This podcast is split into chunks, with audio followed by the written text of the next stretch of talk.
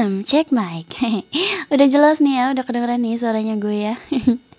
Hai Balik lagi sama Sendu. Ya iyalah sama Sendu. Ini kan part of Sendu di Spotify ya. Oke buat pendengar baru Hello Selamat bergabung. Dan untuk pendengar pendengar lama uh, Halo Sampai bertemu lagi. Sampai bertemu lagi. Maksudnya selamat bertemu lagi. Hari ini Aku baru bangun tidur banget ini. Dan tiba-tiba BM banget buat ngonten. Gak tau kenapa ya Semangat aku akhir ini tuh lagi balik lagi untuk ngonten gitu Asik. Alhamdulillah. Nah Senduner semua um, Hari ini Aku mau disclaimer dulu ya Kalau misalnya ada suara motor atau apa Mohon maaf ya Soalnya rumahku tuh pinggir jalan Jadi suka kedengeran gitu dan ruangan yang aku pakai ini di kamar ini um, gak kedap suara gitu. Dan yang aku suka dari konten podcast ini aku tuh nggak harus dandan rapi untuk membuat sebuah konten. Ya gue aja rekaman sambil rebahan nih. Nah sebenarnya semua mungkin yang ngeh ya yang ngeh dua tahun ini jarang banget buat upload konten di Instagram atau di YouTube. Biasanya kan rajin tuh ya udah sehari itu tiga kali kayak makan obat aja gitu. Nah tapi um, dua tahun ini buat yang ngeh pastinya Sendu ini jarang banget ngonten karena satu dan lain hal. Jadi langsung aja deh gue ke ceritanya. Jadi pas waktu September 2019 itu ada sebuah hal yang bikin aku kaget banget banget banget banget. Sampai ngerasa kayak Hah, dunia jahat banget sama gue sih gitu. Dan mm, you know ketika patah hati kita akan ngerasa kayak drop banget ya. Itu baru kali itu gue patah hati dan yang sampai ke jatuh banget sampai ke yang ngebawa gue ke titik terendah gitu. Jadi serak guys. Belum minum aing belum minum gue. Jadi waktu September lalu September 2019 tepatnya um, aku abis di ghosting sama seseorang dan itu kayak bikin aku kehilangan semangat banget kayak anjrit emang gue udah percaya sama lo tapi lo kayak gini apa maksud anda? Gitu. Terus juga pas abis di ghosting nih abis di ghosting sama seseorang malah bapak gue ninggalin gue untuk selamanya. Jadi September 2019 itu kayak ngebawa gue tuh kayak ke titik terendah banget. Ditambah lagi ya uh, semua gue ini gak deket sama yang namanya orang tua. Kayak misalnya cerita tentang hal-hal pribadi tuh kayak hal yang aneh hal yang asing gitu buat diceritain ke orang tua. Dan bahkan mungkin cerita gue tuh kebanyakan bertebaran di sahabat-sahabat gue. Makasih banget nih buat sahabat-sahabat gue yang sering nampung curhatan dan mohon maaf ya di teror mulu apalagi waktu pas gue ada di titik terendah gitu. Jadi balik lagi ke ceritanya waktu hari itu tanggal 29 September 2019 hari yang sangat cerah pagi yang cerah bisa dibilang gitu. Tapi tiba-tiba kayak lo ngerasa pernah ngerasain gak sih kayak lo tuh sebelum hari sehari sebelumnya ya happy happy malah gue karaokean sama teman-teman gue gitu makan-makan. Soalnya bapak gue tuh nggak sakit ya. Emang waktu dulu tuh sakit cuman pas mau mau meninggal tuh dia tuh sehat sehat banget. Malah dari yang sebelumnya kurus gara-gara penyakitnya ini tiba-tiba tuh gemuk banget dan kayak sehat aja gitu. Kayak gue tuh ngerasa nggak akan ditinggalin cepet gitu. Bahkan aku udah nggak set planning nih waktu pas baru awal masuk kuliah nanti pas waktu wisuda ada mama sama bapak terus nanti kita foto studio pakai baju seragam bareng. Dan aku ngebayangin mama sama bapak tuh dipanggil ke depan. Tuh pengen banget jadi lulusan terbaik. Anjay ambisius sekali sendu ini. Tapi ya gitu kenyataan berkata lain pas waktu itu uh, hari Jumat kalau nggak salah tuh tanggal 29 September 2019 sih pokoknya hari Jumat. Saat itu pas awal-awal masuk kuliah jadi minggu-minggu awal kuliah masih jadi maba itu masih perkenalan. Terus pas hari Jumat paginya itu tadi kan gue udah bilang tuh Kamisnya gue jalan-jalan sama temen kan nyeblak terus karaokean malah main sampai sore. Terus pas gue datang ke rumah si papa lagi tidur nggak malam juga sih. Cuman lagi ya katanya kurang enak badan. Ya udah aku teh langsung aja weh dah aku mah dah jarang ngobrol gitu ya sama si mama sama si bapak teh. Jadi aku teh langsung weh di kamar gitu gogoleran terus teh. Pas gitu kan capek ya abis main. Emang nyeselnya tuh di situ. Terus pas hari Jumat pagi berkali-kali tuh bapak aku tuh manggil lagi manggil lagi gitu. Aku udah mandi di situ terus bapakku tuh manggil katanya dek ambilin selimut dong rasanya dingin banget katanya gitu. Ya udah aku teh ambilin selimut lagi padahal itu teh udah pakai tiga selimut gitu. Terus um, dia tuh nanyain ada makanan nggak? Padahal di situ kan aku teh habis bikin kue lebaran ya. Soalnya itu kalau nggak salah habis idul adha gitu deh. Aku tuh bikin kue lebaran di situ ada katanya ini kuenya rasanya keras katanya bikinin bapak nasi goreng dong. Terus kan di situ aku mikirnya udah mau berangkat kuliah ya. Belum lagi kalau misalnya perjalanan dari rumah ke tempat kuliah itu satu jam sampai 45 menit. Dan itu kelasnya tuh kelas pagi. Terus kataku bapak kayaknya nggak keburu deh tapi ada sayur sop yang sisa semalam. Maksudnya masih bagus gitu ya belum masam belum asem gitu belum basi. Terus aku ambilin lah sayur sop katanya nggak apa-apa sama nasi hangat. Dan nasinya kan nasi baru tuh terus pas gitu dia makannya sedikit nggak gue suapin. Nah nyeselnya juga di situ kan. Tadi gue bilang ya gue tuh nggak dekat sama bapak gue gitu. Terus pas abis itu um, pas gue mau ini nih katanya gue salin mau pakai kerudung bapak gue bilang katanya mau duduk di ruang tamu. Sekata aku teh janganlah pak di kamar aja waktu gitu bisa nantinya jatuh gitu. Pas gitu maksa lah dia. Pas gue pakai kerudung jatuh bapak gue. Pas gue goyang-goyangin badannya udah nggak ini udah nggak apa namanya udah nggak nyaut-nyaut lagi. Situ kan aku posisinya sendirian di rumah si mama tuh lagi jualan di pasar. Terus aku teh nyari bantuan ya ini teh nggak ada yang ngebantuin aku gitu nggak ada pisan tetangga yang lewat mana tetangga teh masih di karonci gening pagar nate jadi aku tuh nelponin si teteh kan si teteh udah pada pisah rumah. Gak ada yang diangkat tap dan aku tuh sempat kepikiran apa aku nelpon teman-teman aku yang jauh gitu ya suruh ke rumah. Terus pas gitu aku nelpon si mama. Waktu itu kan si mama tuh belum android hpnya jadi aku teh harus nelpon pakai pulsa gitu ya. Dan pulsa akunya habis Nelpon lah ke teman mama, gak diangkat pula. Dalam pasar kan gak ada sinyal. Dan terusnya aku nelpon lah ke nelpon lagi ke tetangga dagang mama yang satunya. Terus bilang, mama cepetan pulang ini si bapak gimana ini? Aku udah nangis di situ kan. Terus pas mama dateng, aku nyari bantuan lagi ke mana nih? Aku udah itu sebenarnya si bapak ini jatuhnya itu nggak terlalu nggak sampai jeduk gitu nggak dia tuh jadi pas turun dari kasur udah lemes jadi pas turun dari kasur lemes geletak gitu. Tiba-tiba gak ada mungkin ya nggak tahu. Soalnya aku nggak tahu itu lagi sakaratul maut. Jadi aku pas di aku ngegoyang-goyangin tubuhnya si bapak ya ngebangunin si bapak gak ada seautan aku di situ makin panik mana aku sendirian di rumah. Dah dah dari situ. Dan kata mama dek si bapak udah nggak ada katanya gitu.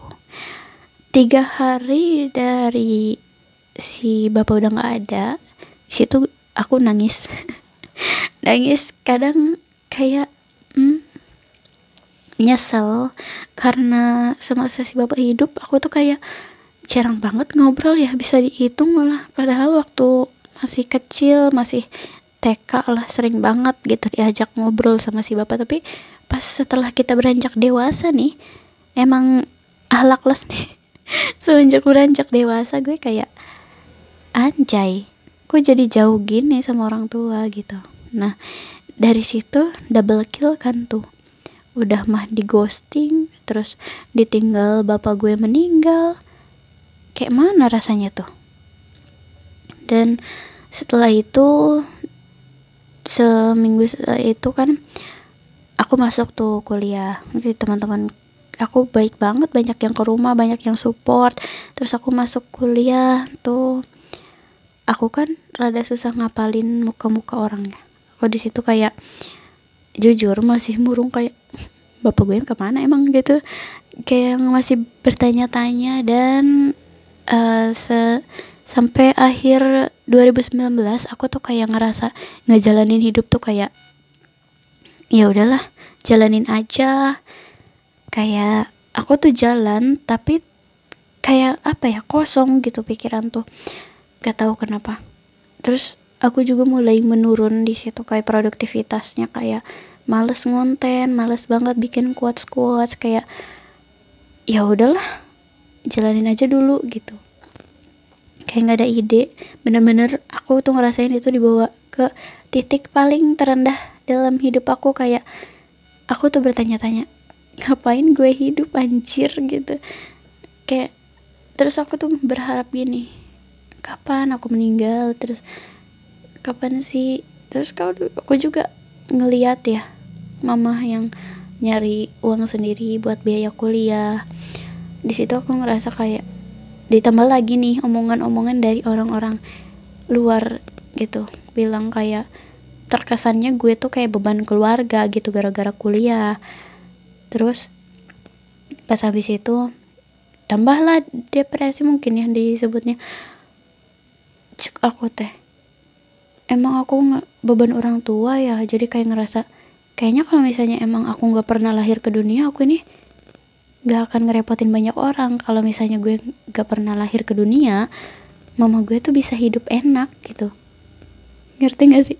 Kayak mama gue tuh duitnya tuh kepake banyak orang tua gue duitnya kepake banyak cuman buat gue sekolah gitu. Jadi gue mikir kayaknya kalau misalnya gue gak pernah ada di dunia ini kayaknya orang tua gue tuh bisa bahagia gitu hidupnya bisa kebeli apa yang mereka pengenin gak cuman mikirin buat sekolah gue gimana buat makan gue gimana gitu.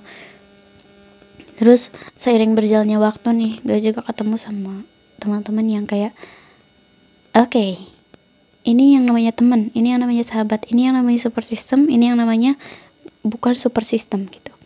Di situ gue nyadar banyak banget hal yang gue temuin termasuk dalam hal pertemanan.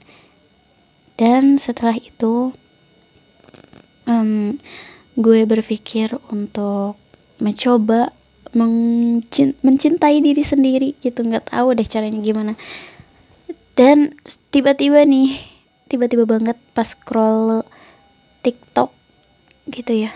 Pas scroll TikTok ada konten voice talent. Nah di situ kayak wah gue pernah nih ngejokiin dubbingin punya teman-teman gue animasi. Cobain ya kayak mana tuh kalau misalnya gue jadi voice talent gitu. Dan dari situ aku menemukan sosok diri aku yang baru yang emang manusia satu ini suka banget hobinya bacot gitu. Nah dan setelah itu setelah mencoba terus aku coba kirim sampel voice ke teman-teman aku yang memang terlihatnya support system. Katanya mirip nih mirip kartun yang oh no bagus nih. Ayo dong semangat dong Tia. Nah dari situ aku juga belum terlalu balik semangatnya terus aku iseng nih buka-bukain DM di Instagramnya sajak sendu terus aku bacain DM dari followers followersnya sajak sendu di sana mereka ada yang curhat ada yang waktu itu ngasih semangat ada bahkan yang minta izin untuk kak izin ya quotesnya aku jadiin literasi gitu. Kayak memanggil aku lagi untuk semangat untuk bangkit lagi dan apa ya ya pokoknya gitulah. Terus aku pas bacain DM nih ada katanya kak ayo dong nulis lagi. Ceritanya seru tahu aku jadi pengen baca lagi kalau misalnya kakak mau bikin cerita kabarin ya katanya. Pokoknya DM DM yang lain yang kayak bikin aku hey ayo dong. Itu banyak orang yang nungguin kamu. Gak usah terpaku sama satu masalah yang orang lain bilang orang lain mengecewakan kamu gitu dengan omongan-omongan mereka yang kayak bilang cie beban orang tua gitu. Nah padahal kamu tuh udah hebat dari sananya. Udah hebat banget ya itu hebat banget sendu ini. Aduh keceplosan lagi. Sendu ini udah hebat banget udah banyak me ngedengerin curhatan orang udah banyak yang nungguin sendu comeback gitu. Dan dari situ aku mencoba untuk mencintai diri sendiri dan aku ngerasa kalau misalnya dengan mencintai diri sendiri itu kita akan lebih cepat untuk healing gitu. Dan di situ ada beberapa orang yang aku temui dalam proses penyembuhan diri aku sendiri atau healing aku sendiri itu. Ada beberapa orang yang aku temui yang kayak emang dia tuh ngasih sinyal gitu ya? Tapi akhirnya nggak jadi lagi. Kayak di situ gue mikir kayaknya kalau misalnya menyembuhkan dengan bantuan orang lain apalagi dengan bantuan orang yang kita cintai. Maksudnya cinta ini bukan keluarga bukan sahabat ya maksudnya orang yang kita inginkan menjadi seseorang atau pasangan kita. Itu kayaknya nggak akan bener karena itu akan ngelibatin perasaan baru yang namanya cinta nih yang bukannya malah ngebenerin luka bukannya nambah nambal luka malah bertambah lukanya gitu.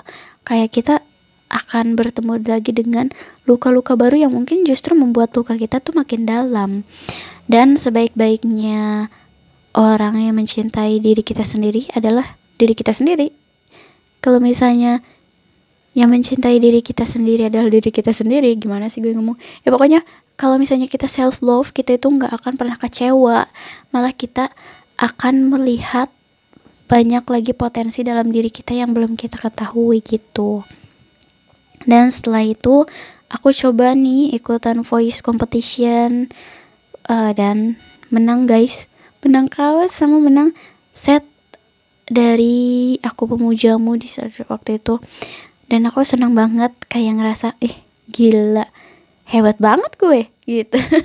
Terus abis itu nih teman aku ada yang WhatsApp katanya ya ada job siaran nih katanya gitu. Terus ada job nih jadi penyiar. Ya udah deh aku coba daftar. Terus keterima deh. Dan dari situ aku kayak nemu semangat baru. Oh ya aku lupa cerita. Jadi pas aku abis uh, ikutan voice competition gitu kan aku belum sepenuhnya untuk pulih ya.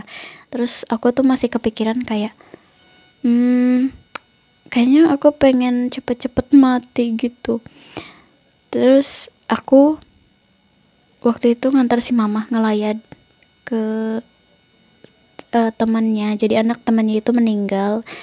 Dan temannya mama aku tuh bilang gini dikirain mah anak aku teh nggak akan ninggalin aku kayak nih bapaknya. Gitu kan ternyata suami si ibu ini tuh udah meninggal. Terus bilang gini si ibunya tuh kirain anak aku bakal nemenin aku sampai tua sampai aku nggak ada. Tapi ternyata malah dia duluan yang ninggalin aku katanya gitu sambil berkaca-kaca matanya. Dan di situ aku ngerasa kayak sebegitu berartinya anak bagi orang tua. Jadi ternyata guys kita itu sebagai anak gak pernah dianggap beban sama orang tua. Mereka sayang dengan cara mereka sendiri. Ada mungkin yang emang cuek kayak bapak gue tuh Iceman gitu cowoknya dingin. Terus ada yang emang perhatian banget ada yang emang galak ngedidiknya tapi dibalik itu semua mereka itu sayang banget sama yang namanya anaknya. Jadi mereka itu akan memprioritaskan anaknya nomor satu di atas segala-galanya yang mereka inginkan. Itu aku pelajari setelah bertemu dengan para mother-mother yang lainnya dan para orang tua orang tua yang lainnya dan setelah itu aku juga mencoba untuk menyibukkan diri dengan ngeraju terus nyulam dan itu buat ngisi waktu luang. Karena nih pandemi kan ya Wak. Sebelum pandemi kan ketemu teman-teman tuh jadi ke bawah happy gue nya. Nah setelah pandemi nih kan belajar online makin stres di rumah. Jadi menyibukkan diri dengan ngeraju terus nyulam juga hmm, habis itu nah ikutan voice competition dan aku menemukan sesuatu yang baru dalam diri aku. Terus um, aku jadi kayak berpikir ada hikmah dari setiap kejadian. Kejadian yang kemarin-kemarin gitu ya dari akhir menuju akhir 2019 sampai ke awal 2021 setahun dua tahunan lah baru sekarang nih aku merasakan pertengahan ya sekarang pertengahan 2021 merasakan lagi diri ini comeback. Emang kalau misalnya healing setiap orang tuh beda-beda ya. Ada yang mungkin menemukan cara healingnya sendiri-sendiri cuman menurut aku proses healing yang terbaik adalah dengan mencintai diri sendiri gitu guys. Nah di situ juga aku banyak ketemu orang terutama di media sosial ya. Banyak nge-scroll tentang konten-konten apalagi di TikTok. Ada yang lebih menyedihkan dari kisah hidup aku kayak hey kamu ini belum seberapa kayak gitu. Belum sendu kesedihan yang kamu rasain ini belum seberapa dengan kesedihan yang mereka rasain. Jangan pernah ngerasa kamu menjadi orang yang paling menderita di dunia. Masih banyak yang menderita dari kamu. Jadi kamu harus tetap semangat ngasih semangat buat orang-orang gitu. Dari situ aku merasa menemukan diri aku yang baru. Anjay. Habis itu juga um, aku berusaha untuk menjadi pribadi yang tetap seperti ini cuman dengan semangat yang baru. Adanya luka di masa lalu itu membuat kita mendapatkan sebuah pelajaran. Pelajaran yang kayaknya penting banget untuk masa depan dan penting untuk segala hal di masa yang akan datang tentunya. Dan kita juga nggak akan pernah nyangka kan kalau misalnya dengan adanya kita di titik titik titik, titik dengan adanya kita di titik terendah ini bikin kita menjadi sesuatu yang lebih baru yang lebih indah. Kalau misalnya kembang mah yang mekar lebih wow gitu lebih uh dan aku makanya kemarin kan aku bikin konten tuh gak percaya sama yang namanya cinta.